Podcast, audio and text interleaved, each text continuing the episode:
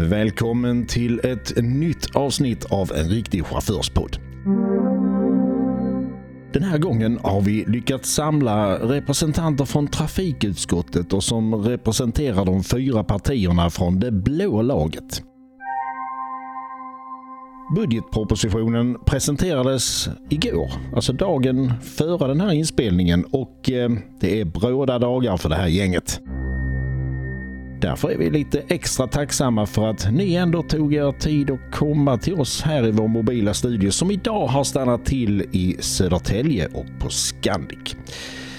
Det här avsnittet spelar vi in i samarbete med NTM, Quality on Wheels. Vi sätter igång direkt och våra gäster får presentera sig själva. Vi börjar med dig Maria. Ja, Maria Stockholm heter jag och representerar Moderaterna i trafikutskottet och kommer från Stockholms län. Magnus Oskarsson heter jag och kommer från Ödeshög eh, i Östergötland eh, och är kristdemokrat. Helena Gellerman, jag kommer från Lerum utanför Göteborg och kommer från Liberalerna. Och Thomas Morell från Tibro eh, och då Sverigedemokrat. Ni är välkomna allihopa. Maria, vad, vad har du för bakgrund? Och vi får vara lite nyfikna.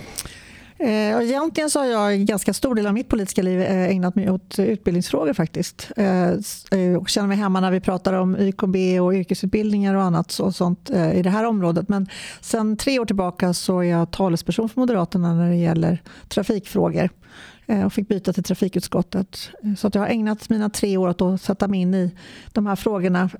Och ehm, trivs väldigt bra med trafikfrågor. Tycker att det är väldigt spännande och väldigt intressant. Mm, hur känns det? Känns det som att du börjar få grepp om läget? Ja, det tycker jag faktiskt att jag börjar få. Det dyker upp nya saker hela tiden. Det, det som är spännande med det här området är att det händer väldigt mycket på tekniksidan som man hela tiden måste hålla sig ajour med. Så när, när jag började för tre år sedan så var det ingen som trodde att några tunga transporter egentligen skulle kunna gå på el. Men nu rullar det ut stora riggar med, med, som, som drivs med eldrift och det är ju fascinerande att se hur fort den utvecklingen utvecklingen har gått. Så det gäller ju att hänga med. Mm. Magnus, vad säger du? Vad är de största utmaningarna när det handlar om just elektrifieringen? Det är väl just att få el att finnas. Därför att eh, det, många pratar om att det ska bli så mycket el och, och det, det, är ju jätteviktigt för oss. Men det är klart att eh, det får också finnas el när vi väl behöver det.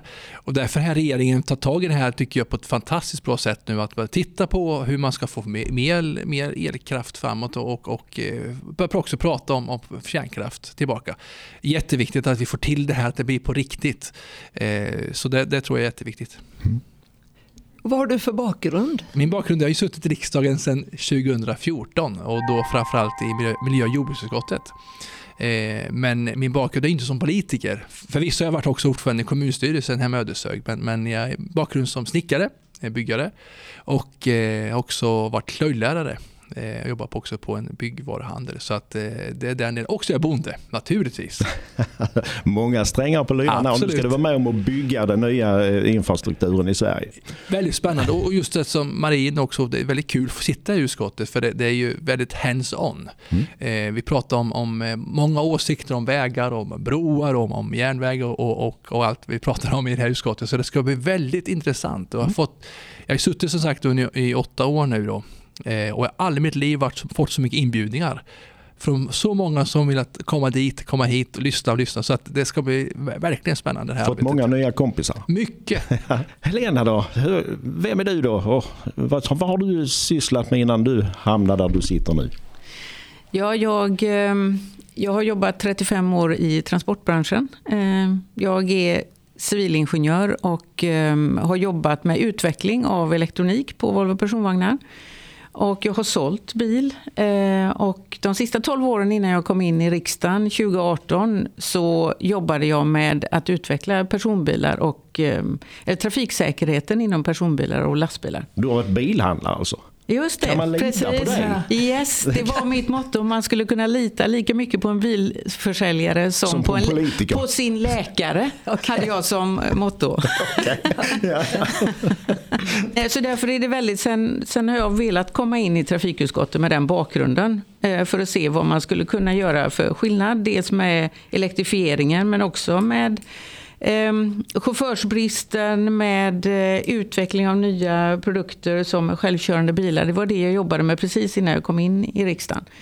Ehm, så, så hela det, hur kan vi utveckla från det vi är, där vi är nu och framåt? Ehm, och det tycker jag, jag håller med Magnus här, att trafikutskottet ger väldigt stora möjligheter att påverka utvecklingen. Och Thomas, Eh, även om våra lyssnare förmodligen känner till det ganska väl så kan det komma nya till. Vem är du? Vem är jag? Jag är en eh, gubbe på snart 65 år. Har ägnat stora, stora delen av mitt liv i transportnäringen. Jag är ju ingenjör i botten och jobbar på Volvo lastvagnar. Började där en gång. Men sen har jag ju kört eh, både lastbil och buss. Jobbade på trafikpolisen i 12 år och gjorde kontroller av eh, den yrkesmässiga trafiken. Gick tillbaka till åkerinäringen, eller rättare sagt de värvade över mig för de ville inte ha mig på vägen. Det var bättre att ha mig i huset än utanför. Så att eh, sista november 2007 så slutade jag på trafikpolisen och gick över på Sveriges Åkeriföretag. Och där jobbar jag ju då med främst frågor som rör lagstiftningen och kör och vilotider. Hade mycket kontakt med polisen om den kriminalitet som omgärdar den yrkesmässiga trafiken i form av otillåtet cabotage och det eh, transporter som inte har här att göra och det är kriminella nätverk som styr en del av transporterna. Är ni alla eh, överens om att eh, Thomas beskrivning här om, om kriminaliteten? Det är vi, absolut. Och det är någon, om man tittar på den här på regeringen och Tidöavtalet så är väl få avsnitt i den som, han, som är tyngre än just den frågan om alltså att få ordning på den organiserade brottsligheten i Sverige. Och då är de här frågorna Eh, en viktig pusselbit. Jag, jag ser ju att eh, eller, den gångna mandatperioden har ju transportfrågorna lyft oftare i, i interpellationer bland politiker. Och man talar om ordning och reda på vägarna. Men eh, vägarna är ju ett verktyg för den organiserade kriminaliteten. Och eh, jag skulle gärna vilja höra om inte ni tycker att man borde kunna titta på hur kan vi stoppa organiserad kriminalitet och att se vägen som en del, ordning och reda på vägen som en del, att man vänder på det. Organiserad kriminalitet är ju ett jätteproblem nu. Och de lever på vägarna eftersom allt transporteras där. Kan man vända på debatten och utgå ifrån eh, organiserad kriminalitet och vägen som ett verktyg? Det var en svår fråga. Um... Ehm, ett sätt är ju, som, som jag ser det, att man ökar eh, kontrollapparaten på vägarna. Att man får mer koll på vad som händer på vägarna. Eh, där, där är det ju som vi har pratat om trafikpoliser, att vi måste avlasta trafikpoliser så de kan vara mer ute på vägarna och göra sina kontroller. Vi måste också få mycket mer bättre kontroller vid våra övergångar in till eh, våra landsgränser.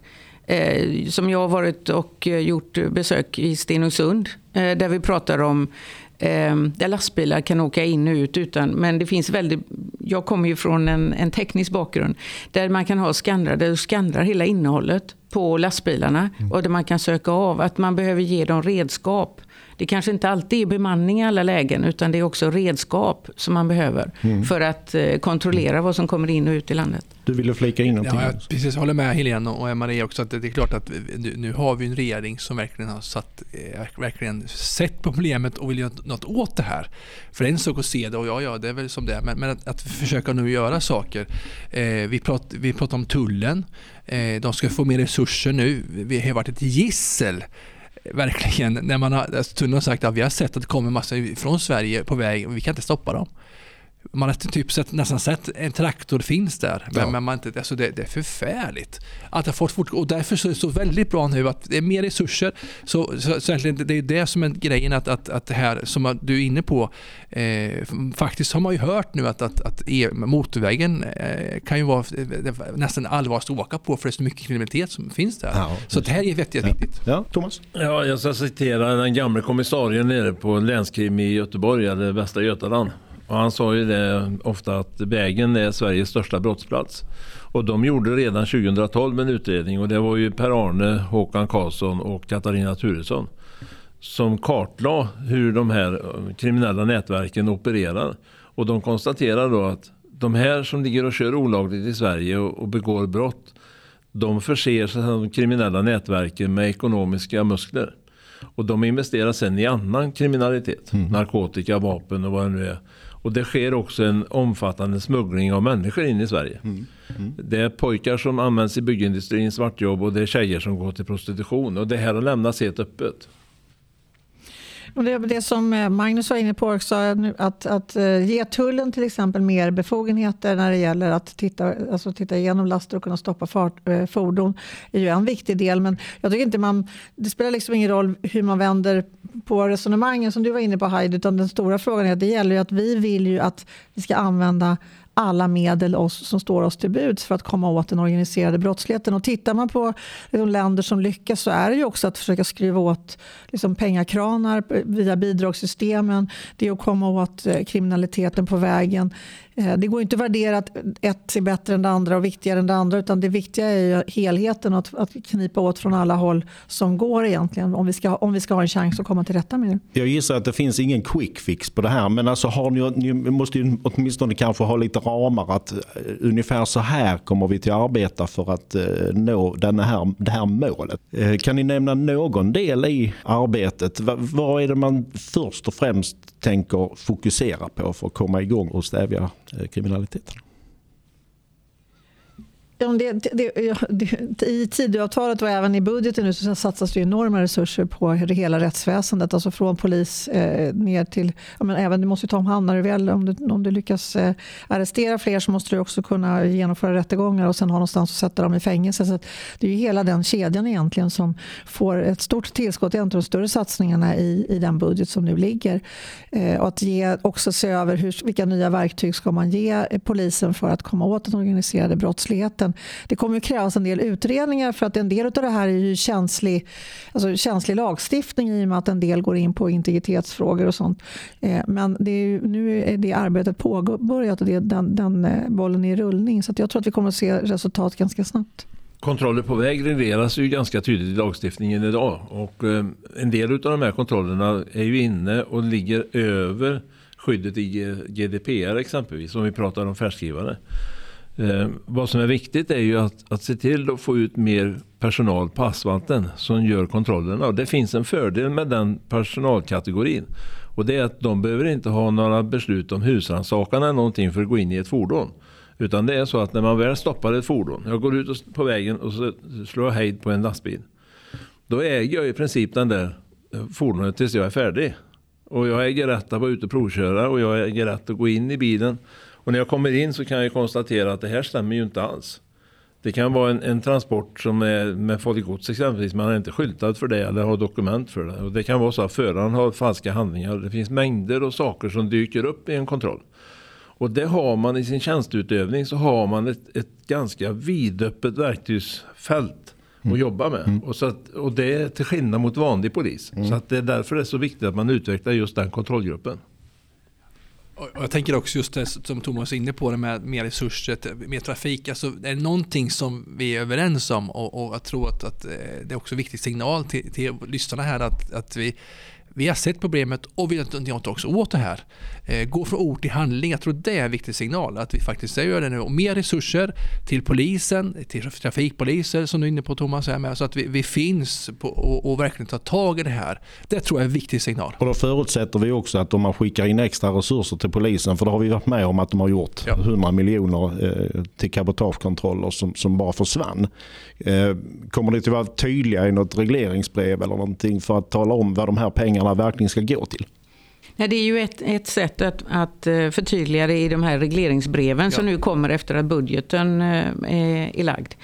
Ehm, men jag vill också komma tillbaka till den frågan där ni säger vilka specifika åtgärder vill ni göra? Alltså, ehm, det är lite grann som Maria var inne på, att vi, vi behöver ju dels ehm, kunna, om, om man tar sådana som, som gör eh, olagligheter, att vi, vi, har en, en uppbyggd organisation som verkligen klarar av att gör man mycket, tra, trafikpoliserna gör mycket eh, åtgärder så måste man ju kunna lagföra de som, som eh, eh, eh blir tagna.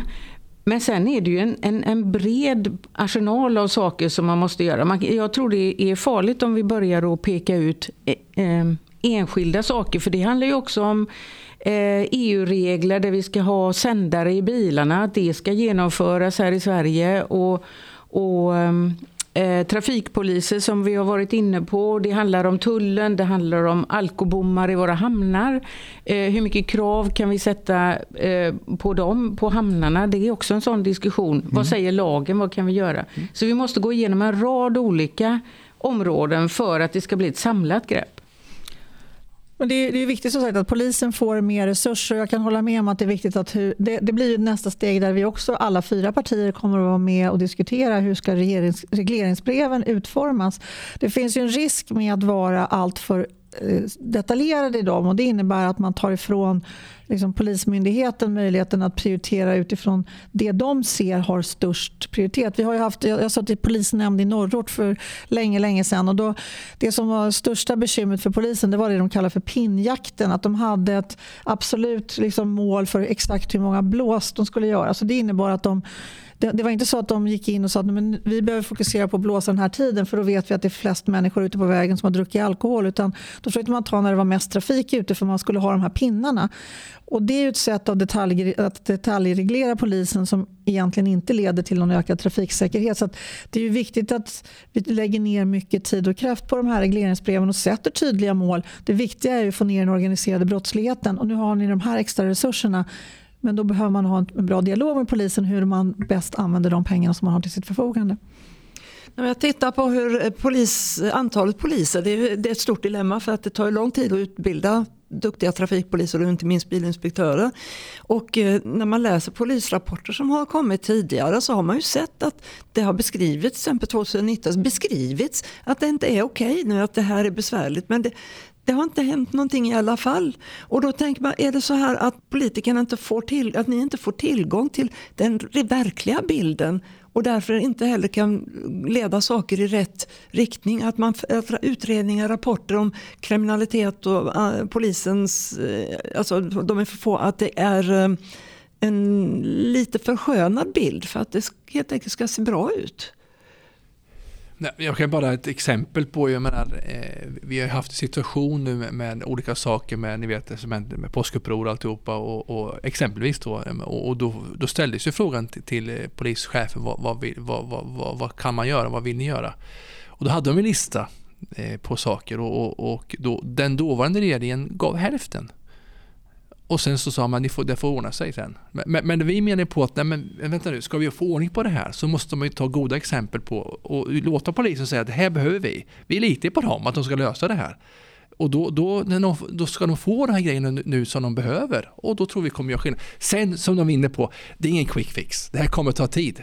Någon, någon sa så här att, att, det kan ta 15 år. Om allt går vår väg tar det 15 år innan vi får liksom se ljusningar. Mm. Men, men att bara sätta att nej, vi, vi gör inget, vi, vi låter det bara Det går ju inte heller. Så att det här är jätteviktigt nu att svenska folket känner att vi har en regering nu som, som, som jag sa förut. Vi har sett problemet och vi vill lösa det. Men då, då är det kanske så med att folk är av naturen ganska otåliga och när det handlar om politik så tar saker och ting en väldigt lång tid. Det har man ju förstått. Det, det, men när kan man börja skönja att det faktiskt händer någonting? Alltså när det, du säger att nu, nu går ni från ord till handling så att säga. Men när kan man se de första små tecknen på att det faktiskt händer något? Om jag bara börjar, kan man, typ i regeringsbrev att man ser att nu vi har sett på, som vi är inne på, att, att vi, nu, nu skjuter vi olika saker på, på, framåt för att få till utredningar. Vi, alltså ta tag i saker ordentligt. För att bara, bara kasta en massa pengar, det är inte heller rätt medicin. det gäller att, att, att med, med kirurgisk så säga, ingrepp och göra rätt sak i rätt tid. Då kan vi förvänta oss att regleringsbrevet innehåller mer än två, tre rader eh, om trafikpolisens verksamhet som de har gjort de senaste åren. Ja. Ja, det, det, ja, precis. det är lite tidigt att säga det. Vi, sitter med, vi har precis fått budgeten och nästa steg i regleringsbreven. Men jag delar den bilden och det tror jag vi alla gör att alltså, brottsligheten på väg är en viktig del av de här, de här yrkeskriminella som vi ser i Sverige. Eh, och ur det perspektivet med tanke på att regeringen har det som väldigt hög prioritet ja. så skulle jag säga att det är väldigt troligt att det blir betydligt mer skrivningar kring, kring trafikpolisen. Det låter mycket positivt. Mm. Ja. Mm. Alltså, jag, jag, ska haka mm. på en sak. Jag har ju jobbat under den här så kallade pinjakten och var mycket kritisk till min arbetsgivare att det där är ju ett fullständigt meningslöst sätt att arbeta för det, man når inte målet. Men sen vill jag också haka på det Helena säger för att om vi tittar tillbaka 14 dagar eh, ungefär så kom det en rapport om att tullen tar en, en stor mängd förare som kommer in i Sverige som är påverkade av droger och alkohol.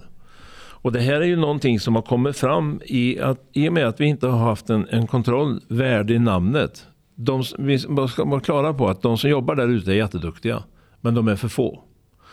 Och det har gjort det alltså, man har skapat en situation där du kan köra med manipulerade färdskrivare. Alltså man, man skickar en förare att köra upp till Norrland någonstans och lossa fordonet och så lasta upp och så gå tillbaka. Och alltså köra långt mer än vad som är mänskligt. Mm. Jag tog en, när jag jobbade inom polisen, som hade 55 timmars körtid. Och för att man ska klara det så måste man stoppa i sig preparat. Och det är ju det vi ser nu. Mm. Och, jag, menar, jag tror inte någon i det här rummet eller någon av lyssnarna vill möta ett, ett fordonsekipage som väger 40-45 ton med en förare som är hög som ett höghus bakom ratten. Nej. Och mina gamla kollegor tog en i Stenungsund. Han var så påverkad så han ramlade ut i hytten när man öppnade dörren. Så han fick ligga i fyllecellen till dagen efter och då när de började prata och förhöra honom så trodde han han var i Belgien. Så menar, det, ja. det, är den situationen ja. vi har ute på vägen mm. och var och en av oss måste vara medvetna om att det här är ett jätteproblem. Mm. När vi pratar om trafikpolisen så kommer vi osökt in på klampning och jag vet att ni har tider att passa. Eh, därför så måste vi forcera på de här frågorna lite grann. Men en stor fråga, egentligen nästan ett krav eh, från transportbranschen, vägtransportbranschen har ju, har ju varit det att vi måste kunna klampa tills förskotten på sanktionsavgifterna eller sanktionsavgifterna i sig är betalda. Kommer det att hända någonting med den, den lagstiftningen under den här kommande mandatperioden?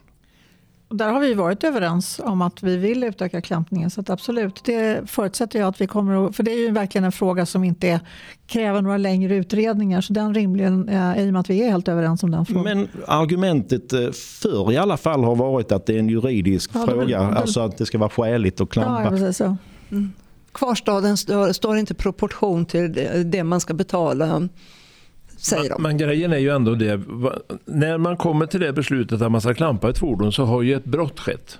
På ett eller annat sätt. Va? Antingen så uppfyller inte fordonet de tekniska kraven eller också har man inte tillstånd eller någonting annat. Men de tekniska kom, kraven kan man ju klampa. De kan du klampa ja. men de andra är ju tidsbegränsade. Mm. Men har du kommit till det stadiet att du klampar ett fordon så beror ju det på att det finns en bakomliggande handling som strider mot lagstiftningen. Mm. Och då måste ju grejerna stå kvar tills dess det är löst. Sen att det ligger gods uppe på bilen som kanske är värt flera miljoner hos någon annan. Ja men fine, då får väl de lära sig då att man utnyttjar inte den typen av transporter som inte följer lagstiftningen utan man ägnar sig åt att köpa transporter av ett seriöst företag. Så hanterar tyskar, belgare och fransmän och spanjorer lagstiftningen. Varför skulle inte vi kunna göra det i Sverige? Vi tolkar detta alltså som att inom fyra år så har vi det här på plats? Absolut. Det, det tycker jag ni ska göra. Ja. Det låter ju ännu mer positivt. För att det har ju varit ett stort problem just att de, de väntar ut polisen. Och innan var det ju så här att de sa 24 timmar, sen gick ju förra regeringen ut med att det skulle vara på riktigt och det blev 36 timmar. Och 36 timmar, det väntar de ut. Och vi hade ju bara hittills i år haft, i alla fall som vi känner till, minst åtta ekipage som har stuckit ifrån. Och det, det är ganska, det är inte bara sådana. Och det är en ganska hög timpeng egentligen för man ska betala 60 000. Ja, står jag här 36 timmar, sen kan jag ju sticka. Det är bra betalt. Och, och som Thomas är inne på, där, det, är, det är jätteviktigt. Kan andra länder, som mm. dessutom är EU, mm. vad är gränsen för oss? Varför kan inte vi göra samma sak? Så det, det är ju svar på frågan. Låter bra. Mm. Det är ju så här att eh, redan när jag slutade köra Eh, då var det ont om platser för vi, fick ju, vi har bjudit in väldigt många fordon nu från andra länder också. Det är inte bara de svenska bilarna. Och det har blivit en, eh, både en sanitär olägenhet och en, en fara att parkera nu. Så man gräver till och med bort parkeringstrafiken bara för att man inte vill ha bilar stående där. Och det känns som att vi har nu bjudit in 100 gäster till ett bord som har plats för 10. Och eh, infrastrukturen, vi, vad, vad, kommer ni att göra åt det? För att vi har enormt mycket lastbilar som inte borde vara här, som bor här. Du menar alltså, eh, upp, vi vill ha fler uppställningsplatser? Ja, uppställning, inte uppställning utan parkering. Uppställning är precis, då ställer de ju av prylarna. Men just det här snabba parkeringsfickor och ställen med truckstops och sånt där. Mm. Alltså, vi har ju en lagstiftning som säger att en förare måste ta 45 minuter rast efter 4,5 timmars körning. Och efter nio timmar alternativt eh, tio så måste du ha en dygnsvila på nio eller elva timmar. Det är en lagstiftning som är klockren och pekar på föraren. Det är det här som gäller. Då måste ju föraren också ha en rimlig chans att kunna köra in till vägkanten och ta sin rast eller stanna för att ta sin dygnsvila. Men vi har ju en situation i Sverige där många, det finns till och med terminalverksamhet på våra rastplatser. Alltså man ställer upp trailrar och sådana här saker. Och det försämrar ju för företagarna, de seriösa, att kunna ha sina förare ute på vägen som kan ta sina raster. Mm. Sen har vi ett annat bekymmer. I det här så börjar kommunerna sätta parkeringsförbud för tunga fordon även i industriområdena. Och jag har haft mycket diskussioner med kommunerna genom årens lopp. Men hur har ni tänkt att er industri ska fungera? Om inte ni tillåter att de som kommer dit tar sin nattvila för att då vara framme vid lossningsplatsen på morgonen. Ja, det är inte våra bekymmer utan det får ju åkeriet lösa. Ja men eran industri är ju beroende av transporter. Är det, är det någonting ni kan påverka egentligen och säga till kommunerna att det... sätta ner foten eller får man kanske inte? Det, Nej, där, det är kommunala... gick gräns för vad jag kan ja. om politik. Men... men... det kan man inte göra men man måste i alla fall få dem att förstå för att deras industri ska funka så måste det finnas möjlighet att kunna parkera. Mm. För kommer jag fram med en transport klockan 11 på kvällen och jag ska lossa 9 på morgonen så kan ju inte jag ligga ute och snurra någonstans ute på vägen i de timmarna. Jag måste ha min vila. Mm. Men det finns inga parkeringsplatser och det finns inga parkeringsplatser inne i industriområdet. Så det blir ju liksom ja, helt omöjligt. Helena, du ville säga något? Ja, detta är ju egentligen ett, eh, ett problem som inte bara gäller Sverige. Det gäller ju hela EU. Och EU har ju satt krav på att det ska finnas mycket uppställningsplatser eller parkeringsplatser längs de större vägarna i alla fall, TNT-nätet. Sen kan ju vi välja att ha fler. Och man har ju gjort en utredning på det här. Trafikverket har gjort en utredning. Eh, så eh, för oss som politiker är det ju bra när det är utrett. För då kan det gå fortare. Vi måste ju utreda vad det finns för möjligheter.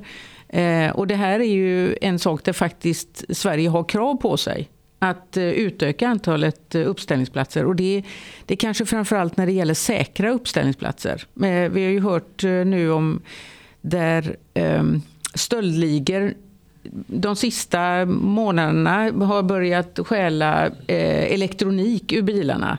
Eh, för det har väl hållit på bör... ganska länge? Va? Ja, mm. fast eh, det har ökat ganska kraftigt de sista månaderna. Det har varit på nyheterna också. Ja, det, om, det om jag inte minns fel så fram till nu så är det väl ungefär 700 anmälda stölder. Ja. ja. Och, och, just det här med säkra uppställningsplatser är ju väldigt viktigt. Vem ska betala den, för det? Ja, i och med att det är ett krav på Sverige så är det ju eh, Trafikverket som måste titta. Det finns ju en sån utredning nu. Att man ska göra fler uppställningsplatser längs de, eller vid de större eh, vägarna. Ska, som ska vara kostnadsfria att stå på? Eh, det, det, För det är oftast får vi se. det som är akilleshälen. Ja, exakt. Ja. Eh, det beror väl på om det, om det är... Um, ja, I den utredningen så står det väldigt mycket om vem, vem som ska kanske ha service på den ytan och så vidare. Och hur man kan betala. Men är det säkra uppställningsplatser så kostar det ju pengar um, att ha dem säkra. Mm. Så det är nog en, en fråga som behöver diskuteras vidare. Okay. Jag är från Ödeshög som jag sa och det, Ödeshög är ju känt för en fantastiskt vacker plats naturligtvis. Men också en, en plats där man där stannar väldigt många lastbilar och, och eh, rastar eh, varje natt. Tusentals bilar. Eh, och det är klart att eh, det, det Helene är inne på att det är precis det som vi har märkt i Ödeshög. Det är ju att det måste finnas säkra platser att vara på. Och det, vi hade en sån men det, det, som du sa, det var ingen som ville vara där. Men nu vet jag att bensinmackarna har gjort på något sätt ändå att en, någon form av deal här. Så att det, det, stannar i många där och, och de, de, jag tror upp också upplevs att det är ganska säkert. Men vi har problem med att många eh, så att säga, skär upp kapellen den delen. Men det är också en polisiär sak att man ändå vaktar där. Mm. Nu är det så här, tiden går. Eh, er taxi kommer om några minuter. Jag skulle vilja be er egentligen att ni är fyra stycken. Finns det fyra stycken löften ni skulle kunna ge till våra lyssnare? Så att det här kommer vi att fixa innan vår mandatperiod är slut. Och så lade sig tystnaden. Ja, alltså... den, är, den, är, är svår där i fyra partier med olika... Alltså, det är ju, vi behöver ju diskutera ihop oss kring gemensamma förslag. Och, eh, det, ja, men dina kollegor hör dig här så bara diskutera nu. Jag tror att, att den typen av politiska diskussioner den ska vi nog köra för. Och det är nog inte bara vi fyra, det är andra inblandade i, i de frågorna också. Men det som jag tycker är ett viktigt budskap det är ändå det att vi, när det gäller framförallt kriminalitet på väg men också om man tittar på att förbättra standarden på våra våra vägar. Med, nu bara i budgeten så läggs ju en miljard till, till vägunderhåll där är ju vi fyra partier överens och vi har ju en helt annan inställning till vägtrafik generellt sett än vad den tidigare regeringen hade. Så att där kommer man ju uppleva en, en liksom stor skillnad i politiken både när det gäller hur vi ser på kriminalitet och hur vi ser på vägtrafik generellt. Sen tror jag att det är i det här läget där vi befinner oss nu, att, att när vi precis har, liksom, regeringen precis har tillträtt, vi, att utfärda löften känns ju lite skakigt faktiskt. Mm, okej, okay. ja, okay nu, nu räcks det upp händer. Ja, varsågod Magnus. Nej, men det är ju som Maria, så det är vår första budget mm. eh, och, och, det är klart att, att, det kommer mera. Det är absolut så. Och, och det här är en början, försmak på exempelvis att rusta upp vägarna. Vi har ett jättebekymmer. Menar, men det är ett bra löfte. Ni som åker ja. mycket på vägarna, ni vet ju mycket mer än kanske vad vi vet. Ni vet kanske alla mycket mer. Men, men så, det är någonting som måste åtgärdas. Vi kan inte bara prata, återigen prata om grejerna, utan det här måste vi också åtgärda. Ja, just. Helena? Jag är också inne på vägunderhållet eh, måste ju förbättras. Så att man, också inte bara längs de stora vägarna utan ute i kapillären, ja, om man säger de mindre vägarna. Så att det funkar. Så vägnätet, eh, vägnätet vi har varit inne på klampning, vi har varit inne på trafikpolisen. trafikpolisen. Det är väl tre områden som behöver, tullen. och tullen. tullen. Ja, mm. Exakt. Och Thomas, ja, alltså, har du någonting min, klokt att säga på slutet? Ja, alltså min käpphäst är att vi måste bygga upp trafikpolisen, eller en kontrollverksamhet värd namnet. Mm. Det löser man inte på en mandatperiod. Men man måste liksom lägga ut kursen. Sen tar det ju tid att utbilda. Vi brukar säga det att det tar fem år innan du liksom kommer in i jobbet där du kan kliva ut och stoppa ett fordon och göra jobbet hela vägen. Så då förstår man hur pass komplex den frågan är. Men det måste vi göra om vi ska komma åt kriminaliteten i samhället i stort. Så måste vi grusa maskineriet på vägen. Helt rätt. Magnus, du ska få lov att avsluta. Ja, jag hoppas på att vi får komma nästa år igen och då kanske vi har ännu mera eh, mer trevliga saker. Så att ni har mer tid till, till oss. Stort absolut, det har vi absolut. Ja. Det är härligt att höra. Tusen tack för att ni kom hit. Tackar. Tack så mycket. Tack så mycket. Tack så mycket. Trevligt. Återseende.